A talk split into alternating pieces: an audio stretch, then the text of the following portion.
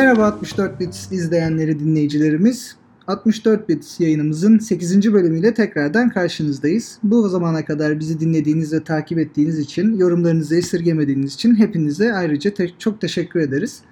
Bu hafta birçok teknoloji firması 2018 birinci çeyrek gelir raporlarını açıkladılar.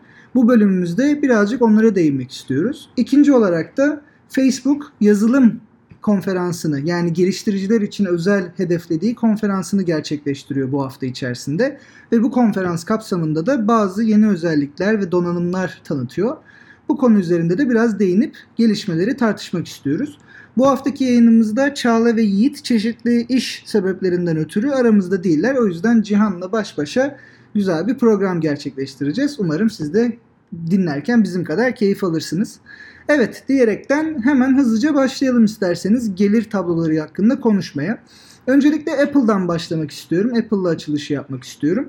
Apple 2018 birinci çeyrek gelir tablosunu açıkladı ve Wall Street'in bütün beklentilerini aştığını söyleyebiliriz. Detaylara bakacak olursak birinci çeyrek 2018'de Apple toplam 64 milyar dolar ciro açıkladı. Ve geçtiğimiz yıla göre %16'lık yani geçtiğimiz yılın birinci çeyreğine göre %16'lık bir artış gözlemledik. iPhone satışlarına bakacak olursak Apple dediğimiz zaman aklımıza gelen ilk şey iPhone satışları tabii ki. Apple'ın en büyük gelir kalemi diye düşünebiliriz. iPhone satışlarına bakacak olursak 2018 birinci çeyrekte toplamda 52.2 milyonluk bir satış hacmine ulaşmışlar. Yani bu kadar adet iPhone satılmış. Ee, geçen yıla bakacak olursak ya da Wall Street'in beklentilerine bakacak olursak 2018 birinci çeyreği için 52.5 yani 52,5 milyonluk bir satış hacmi bekliyorlarmış. O yüzden bu sebepten ötürü iPhone satışları birazcık beklentilerin altında kaldığını söyleyebiliriz. Ama gördüğünüz gibi bu ciroya çok da yansımamış gibi gözüküyor. %16'lık bir artış var. Tabii bunun en büyük sebeplerinden biri iPhone X gibi ya da iPhone 10 gibi e, bireysel fiyatı yüksek olan, daha üst segmente hedefleyen bir cihaz ile birazcık daha kar marjı yükselterek e, ciroyu da buradan kazanmış oldular. Her ne kadar satış hacmi birazcık daha düşse de. Tabii bütün hepsine bakacak olursak yıllık pardon e, birinci çeyrek e, net kazancına baktığımız zaman da 13.8 milyarlık bir net kazanç görüyoruz. Yani bir kar görüyoruz. Bu noktada en ilginç noktalardan bir tanesi de gelir tablosuna baktığımız zaman Apple Watch, AirPods gibi yani kablosuz kulaklıklar AirPods ürünlerine baktığımız zaman geçtiğimiz yılın aynı dönemine kıyasla %50'lik bir artış gösterdiğini görüyoruz. Zaten ben şahsen New York'taki tecrübeme dayanacak olursak San Francisco'daki tecrübe için de Cihan senin yorumlarını almak isterim. Burada metroya bindiğim zaman sokakta yürürken Evet bu Apple'ın akıllı kulaklık yani AirPods'larında ciddi derecede bir artış gözlemliyorum. Sağıma soluma baktığım zaman bunları çok ciddi şekilde görebiliyorum.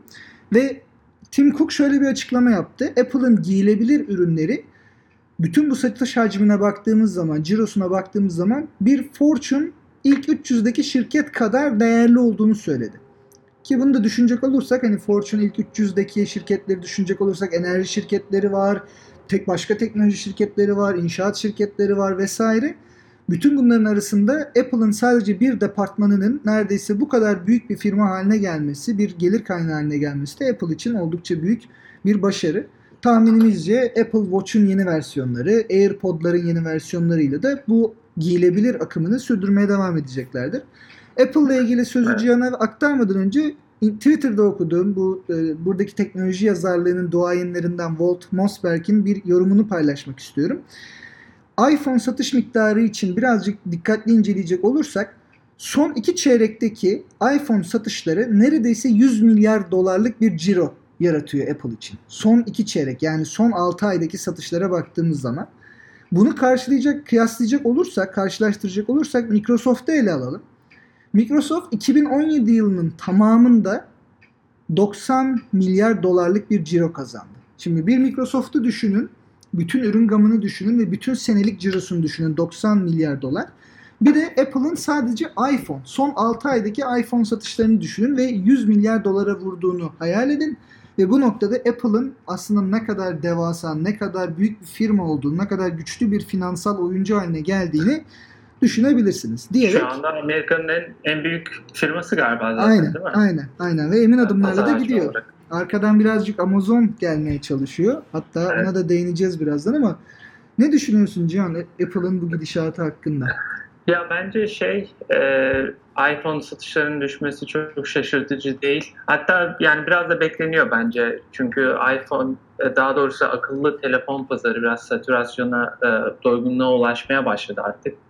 Bildiğimiz üzere e, telefonlar gittikçe daha da iyileştiği için insanlar iki senede, üç senede bir telefon değiştirme ihtiyacı duymuyor artık eskisi kadar.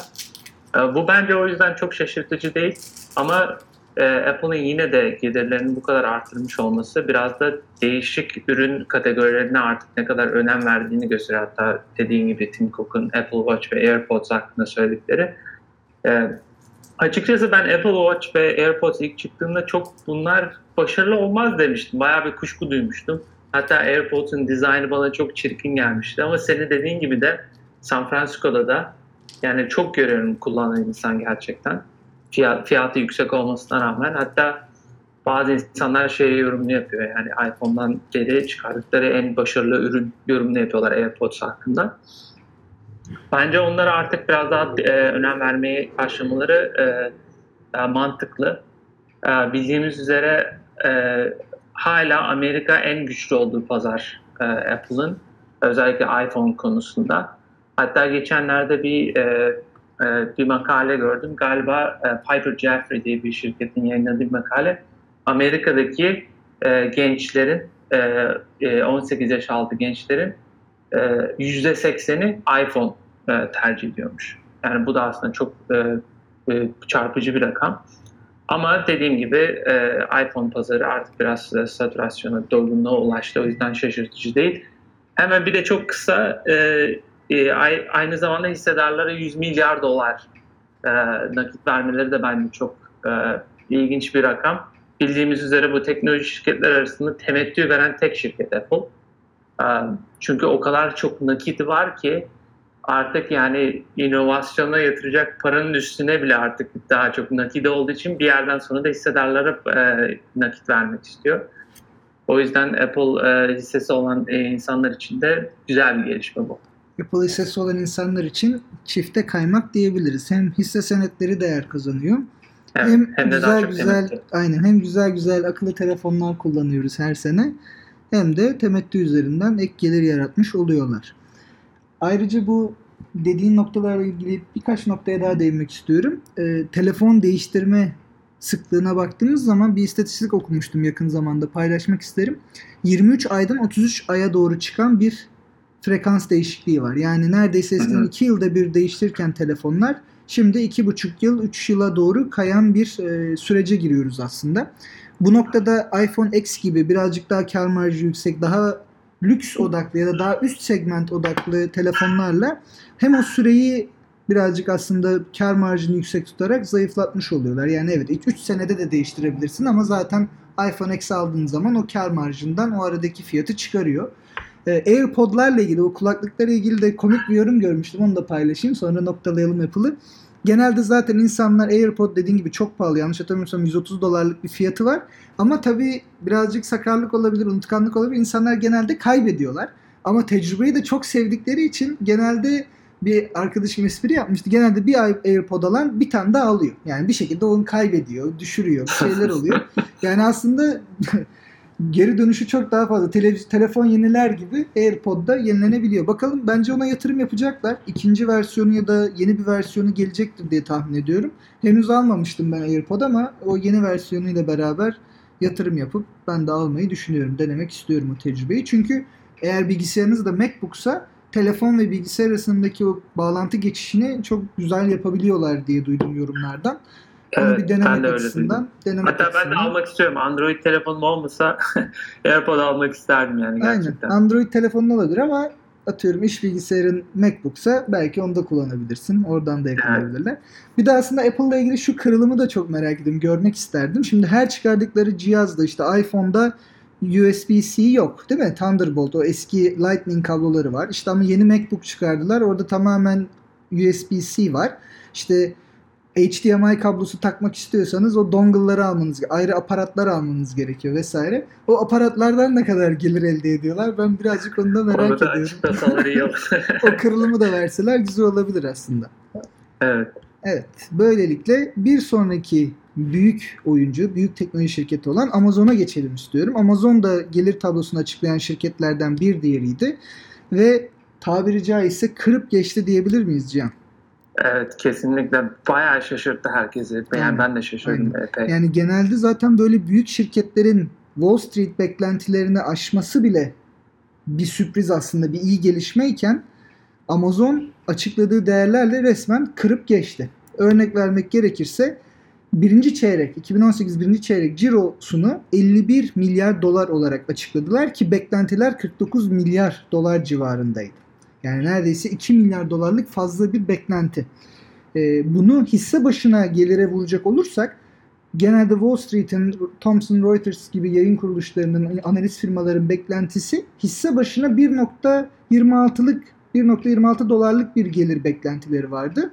Ve Amazon 3.27'lik bir hisse başına gelir açıkladı. Yani neredeyse ya. neredeyse iki- Neredeyse üçe katladı yani. Aynen öyle. Aynen öyle. Yani bu da tabii ki ister Jeff Bezos'un lider görüşü, vizyonerliğine addedebilirsiniz. İsterseniz Amazon'un gerçekten ne kadar iyi bir execution yani işlev odaklı, çalışma odaklı olan bir şirket olduğunu düşünebilirsiniz. Ee, çalışma kültürleri gerçekten tamamen verdikleri sözü tutmaya ve bir plan varsa o planı harfi harfine uygulamaya yönelik bir şirket kültüründen kaynaklı bir başarı olduğunu düşünebiliriz.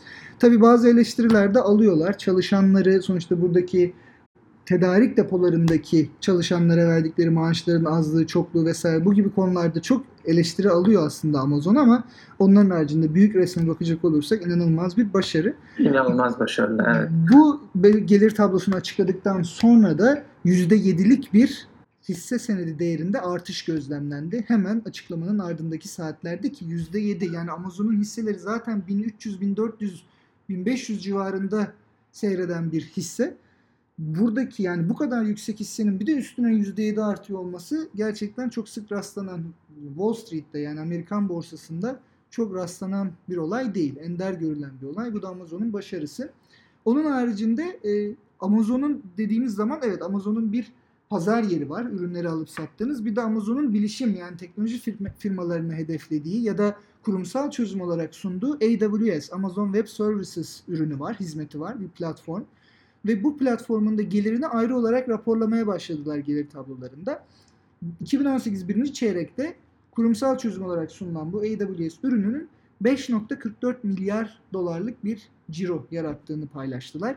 Bunu seneye vuracak olursak yani birinci çeyrekte 5.44 aynı oranda ilerleyeceğini düşünelim. Hiç büyüme olmasa bile neredeyse 20 milyar yani 20 milyar dolara yaklaşan ve geçen bir iş kalemi haline geldiğini, bir gelir kalemi haline geldiğini düşünebiliriz ki bu da teknolojinin nereye doğru gittiğini, bulut bilişimin nereye doğru gittiğine aslında çok güzel bir sinyal. Ek olarak da Amazon'un gelir modelini yani pazar yerinden yarattığı bir gelir modeli var. Evet hala belki aslan payını bu taraf alıyor ama AWS ve web çözümlerinin, web hizmetlerinin de gider ayak Amazon'un ne kadar büyük bir gelir kalemi haline geldiğini ve gelecekte bu potansiyelini bakacak olursak da ne kadar önem teşkil ettiğini görebiliriz. Amazon'un bu sektörde birinci olduğunu da düşünebiliriz ve senede 20 milyarlık bir bulut bilişim e, geliri var Amazon'un. Bu sektörde başka oyuncular da var tabii ki. Microsoft Azure, işte Google Cloud Platform gibi ve onun haricinde başka çözümler sunan firmalar da var ama hem kurumsal çözüm olarak bu bulut bilişim giderek önümüzdeki yıllarda artarak büyüyecek ve Amazon da buradaki birinci liderliğini şu an için koruyor ve inanılmaz bir ciro yaratmaya başladı buradan. Sözü sana devredeyim burada Cihan. Ne düşünüyorsun Amazon'un bu başarısı hakkında? Nasıl gidiyor sence? Ya Amazon çok iyi gidiyor gerçekten. Ee, hatta acaba 1 trilyon dolar pazar hacmine ulaşan ilk şirket olacak mı? Sen sen ne düşünüyorsun? En ciddi adaylardan bir tanesi bence. Hatta Yani bir Apple var tabii. Apple şu anda en yakın 850 milyar dolar galiba Apple'ın e, pazar hacmi. E, ama Amazon'un şeyine bakarsak, momentumuna bakarsak Aynen. Amazon sanki oraya gitmeye daha büyük bir aday gibi şu anda. aynen, aynen. E, bir de bence bu Amazon Web Services'in de ayrı açıklamaları biraz şov gibi sanki değil mi? Tabii. Yani birinci olduklarını ne kadar böyle tescille, tescillemek istediklerini aslında gösteriyor. Tabii. İlk defa böyle değişik kalemde açıklamaları. Amazon gerçekten çok iyi gidiyor ya. Gerçekten yani şey Prime e, üyeliğini bir de arttırdılar. Ondan da kısaca bahsetmiştik. Hatta Twitter hesabımızdan da e, paylaşmıştık. E, 99 dolardan 119 dolar çıktı e, senelik.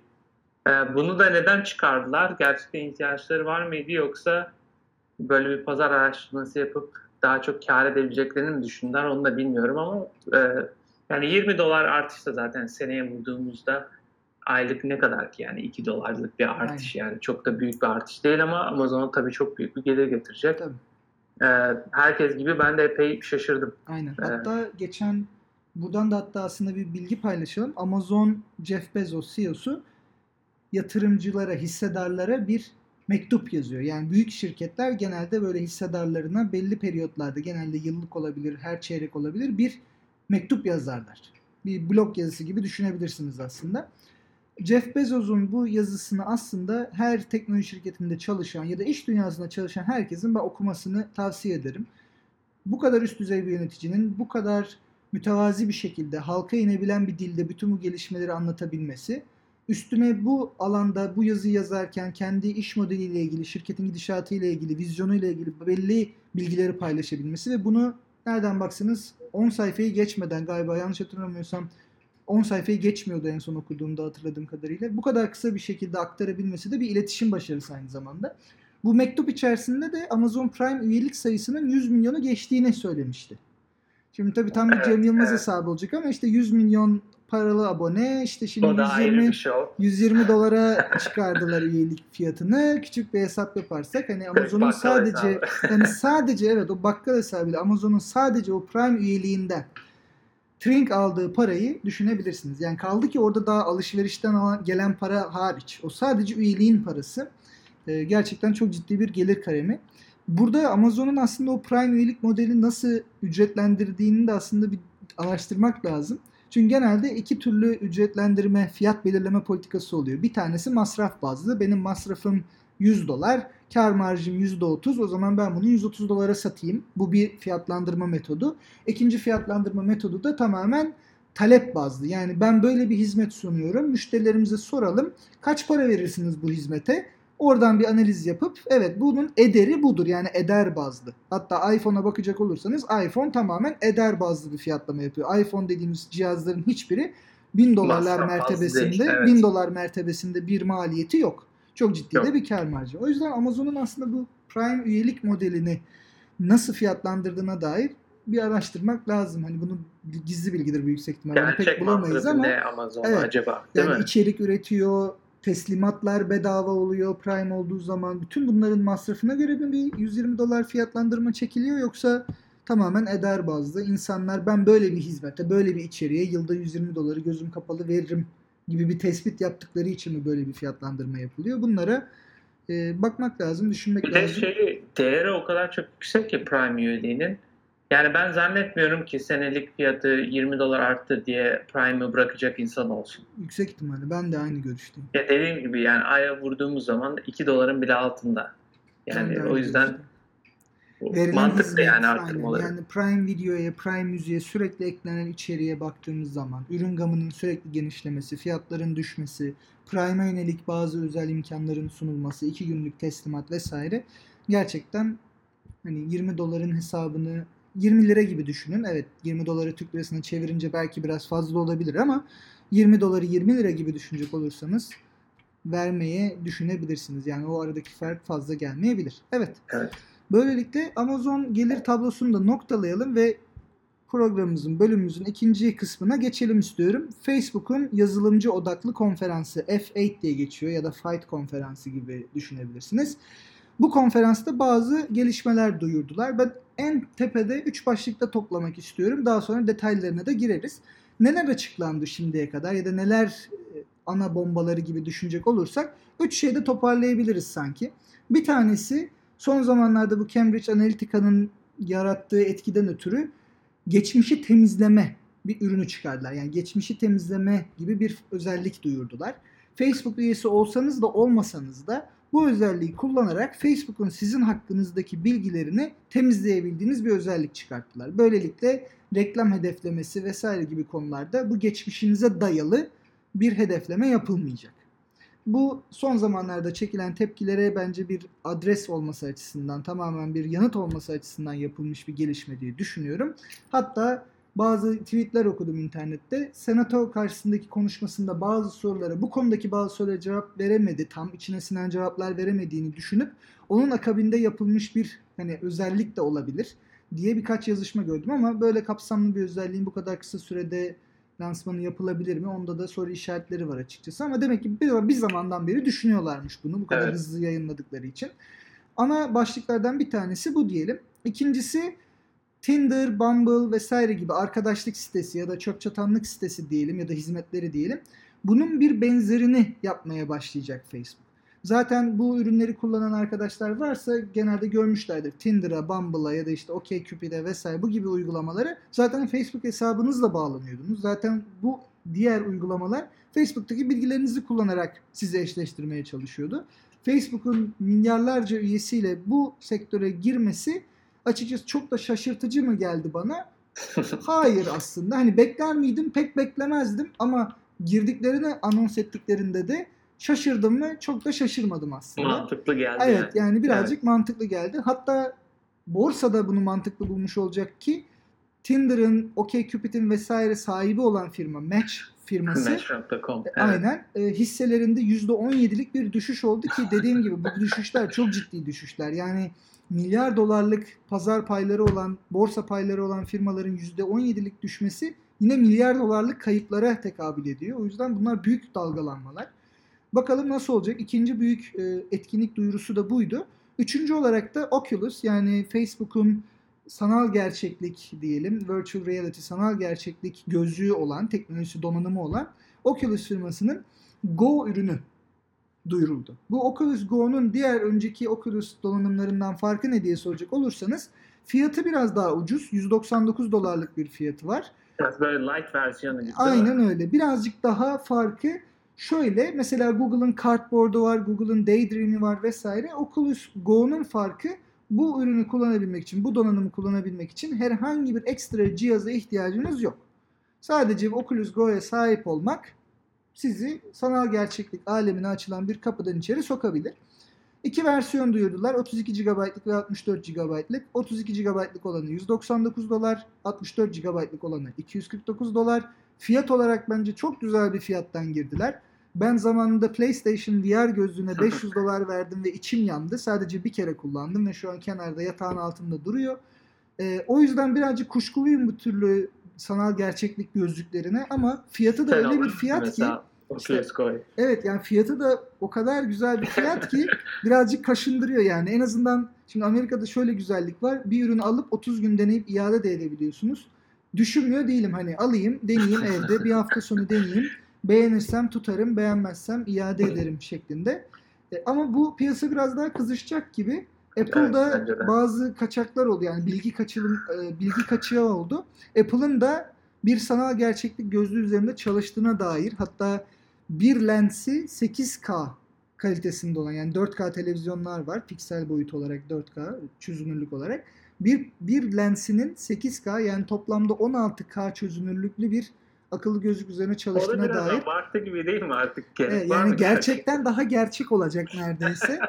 Ee, İnsanların gerçekle artık şey kalmayacak, ilgisi kalmayacak. Aynen öyle yani. işte bu Ready Player One filmine kitabına da gönderme yapalım böylelikle. Hayatımızı sanal gerçekliğin içerisinde yaşayacak. Çünkü belki evimizden daha güzel evlerde yaşayacağız o sanal alemde. Bilmiyorum nasıl olacak. Ama dediğim gibi bu aletle ne yapabiliyorsunuz Oculus Go ile? Televizyon izleyebiliyorsunuz. İşte Facebook'un zaten video uygulaması, Facebook Watch ürününü buradan takip edebileceksiniz. Ya da Netflix, Hulu gibi yayın içerik kaynaklarını izleyebileceksiniz. Ek olarak da bir takım oyunlar, tabi tahmin edeceğiniz üzere oyunlar olmazsa olmazı sanal gerçekliğin. Bu gibi uygulamalara erişebileceksiniz. Onların haricinde birkaç e, yenilik daha duyuruldu. Mesela Instagram üzerinden video görüşme. Bu Snapchat kullananların zaten yakından tanıdığı bir özellik ama bunu artık Instagram'ın içine de getiriyorlar. Zaten yavaş yavaş her şeyini klonladılar Snapchat'in. Bu özellik Facebook'ta ya da Facebook Messenger'da ve WhatsApp'ta da vardı zaten videolu görüşme yapabilme. Bunu Instagram'ın içine getirdiler. Ee, burada birkaç ilginç istatistik de vermek istiyoruz Cihan'la beraber. Sağ olsun iyi yakaladı Cihan bunları. Instagram'ın, WhatsApp'ın ve Snapchat'in bu story yani hikaye paylaşma, kendini imha eden belli bir süre sonra hikaye paylaşma metriklerine birazcık baktık. WhatsApp'ın hikaye özelliği günde 450 milyon aktif kullanıcı kadar kullanılıyor.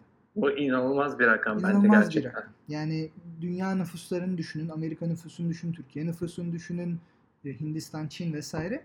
WhatsApp'ın zaten kullanıcı sayısı hani milyarlar mertebesinde. Günlük 450 milyon kullanıcının WhatsApp içerisindeki bu hikaye özelliğini kullanması inanılmaz başarı. Şimdi kıyaslama yapacak olursak bu neredeyse Snapchat'in iki katı. Snapchat'in bütün kullanıcı sayısının iki katı. Ve yani hani düşünecek olursanız WhatsApp pozisyonlandırma gereği aslında fotoğraf içeriğine odaklı bir uygulama olmamasına rağmen. Mesajlaşma uygulaması aslında. Aynen öyle. Evet. Aynen evet. öyle. Ki Yani, yani, yan ürünü bile aslında Snapchat'e ikiye katladı ki. Instagram'ın rakamları şu anda önümde yok ama o o zaten, Zaten- çoktan katlamıştı yani aynen, o zaten çıktığından 2-3 hafta sonra geçmişti bildiğim kadarıyla. Evet. Bu da ilginç bir gelişme. Onun haricinde yapay zekaya odaklı bir takım gelişmeler duyurdular. Kendilerinin bir framework, bir altyapısını paylaştılar. Bunu tamamen açık kaynak yapacaklarını duyurdular. PyTorch diye geçiyor. Bir yapay zeka platformu. Ve bunun tamamen açık platform olarak herkese açılacağını, bütün geliştirmelere açılacağını söylediler. Hatta bunun duyurusunu yaparken de Google'ın DeepMind yani bu meşhur Go oyununu bilgisayar olarak oynayan, meşhur Go oyununu oynayan e, akıllı algoritmanın rakibi olarak düşünebilirsiniz.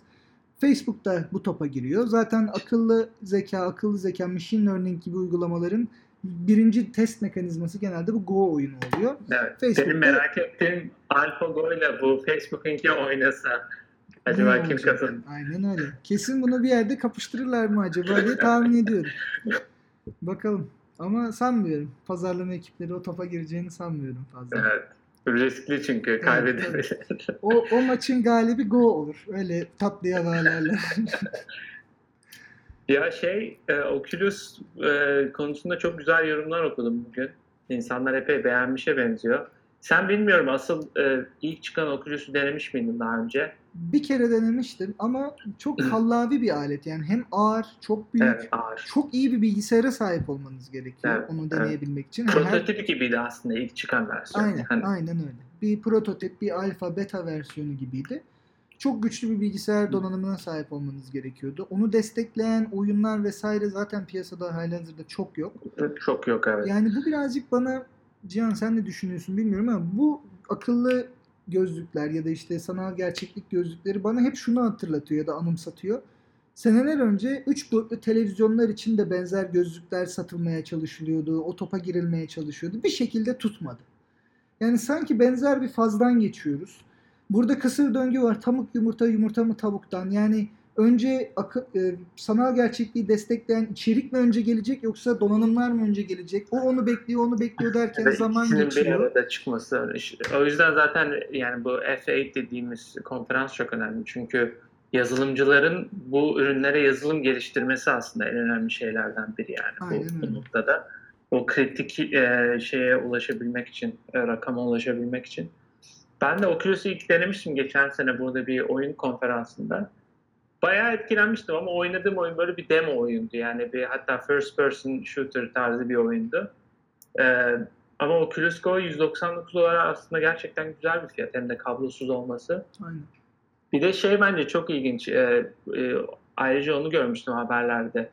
Ee, bir de insanların avatarlarını e, e, yapay e, pardon sanal gerçeklikte yaratma e, teknolojisi duyurdular galiba. Bunu da aslında mesela şeyle birleştirebilirler. Öyle birkaç yorum da okudum. E, çöp çatanlık servisiyle. Belki sanal flörtleşme yani asıl e, şeye çıkmadan önce, ilk buluşmaya gitmeden önce belki Oculus'un içinde sanal olarak görüşeceksiniz ilk de. Eğer birbirinizden hoşlanırsanız belki sonra ilk, ilk görüşmeye çıkacaksınız. Böyle de çok ilginç noktalara doğru gidiyoruz yani. E, bilmiyorum ne olacak. Bu konuya aslında keşke bekar bir arkadaşımızı konuk konuşmacı olarak alsa. Biz şimdi ikimiz de evli adamlar olarak çok yorum yapamıyoruz ama Bu buluşma sektörü nereye gidiyor? Ey bekarlar. yani yorum varsa yorumlarınızı isteriz yani gerçekten. Bizim çok yabancısı olduğumuz bir konu o yüzden. Bize yorumlarda paylaşın. Bir bekar Evet. olarak ilk buluşmayı sanal buluşma mı yapmak istersiniz yoksa kanlı canlı yüz yüze görüşelim. Onun yerine hiçbir şey tutmaz mı dersiniz? Düşünceniz varsa paylaşın, çekinmeyin. Bir de televizyon izleme olayı çok ilginç. O da e, galiba hatta Netflix'in ve Hulu'nun da gelebileceğinden bahsettiler Oculus'a. E, kimseye rahatsız etmeden üç boyutlu sanal gerçeklik Netflix dizileri izleyeceğiz belki ileride. O da çok ilginç bir alan. E, bir de şey e, kısaca şeyden bahsetmek istiyorum. E, e, Clear History diye açıkladıkları ürün yani geçmişinizi temizleme ürünü. Bence bayağı güzel olmuş o ya. Yani sanki böyle tarayıcınızdaki, web tarayıcınızdaki cookie'leri temizler gibi. Ee, o kadar basit bir hale getirmişler. Hem mantıklı, stratejik yani bu Cambridge Analytica skandalından sonra. Ee, bence e, açıklanan bütün ürünler çok güzel ürünler ve hatta şeyine de bakarsak biraz listesine epey toparladı. Aynen, aynen. Cambridge Analytica skandalından e, sonra ilk bölümlerimizde bahsetmiştik. Toparlayacak mı, toparlamayacak mı? Görünen o ki toparladı ve hatta bayağı büyüyerek gidiyor Facebook şu anda. İyi kontrol ettiler. O krizi bence iyi kontrol Evet. ettiler. İlk başta biraz geç açıklamalar yaptılar, tepki topladılar vesaire ama uzun soluklu hani bir adım geriye çıkıp baktığımız zaman orta ölçekli bir zamanda iyi toparladıklarını söyleyebiliriz. Cihan bu de. arada televizyon izlerseniz ya da izliyorsanız şeyi gördün mü? Facebook'un reklamlarını gördün mü diye soracaktı. Ben dün çıktı karşıma. Evet bir hata ettik. Yeterli kontrolü sağlayamadık ama biz düzeltmek adına bir şeyler yapıyoruz. Gelin barışalım tadında. Neredeyse yani tabii açık açık böyle söylemiyorlar ama alt mesaj bu. Bu şekilde reklamlar yani NBA playoff maçları ki çok izleyici sayısının olduğu Onu maçlar bunlar. ilginç bir şey. O arada böyle bir mesaj işte ta ilk çıkış noktalarından başlayan Facebook'un hikayesini gösteren beraber büyüdük, beraber paylaştık bu platformda. Beraber Evet. ıslandık biz bu yollarda. Aynen öyle. Öyle başlıyor. Sonra evet biz bir hata ettik ama siz etmeyin, biz ettik, siz etmeyinle bağlıyorlar. Sonra da evet biz bunları iyileştireceğiz. Gelin şu işi tatlıya bağlayalım, barışalım. Evet. Tamamen böyle bir akışı olan bir reklam yayınlıyorlar ki dediğim gibi NBA maçları burada spor İlginç. aktivitelerini Onu bir çok bakayım izliyorlar. ben.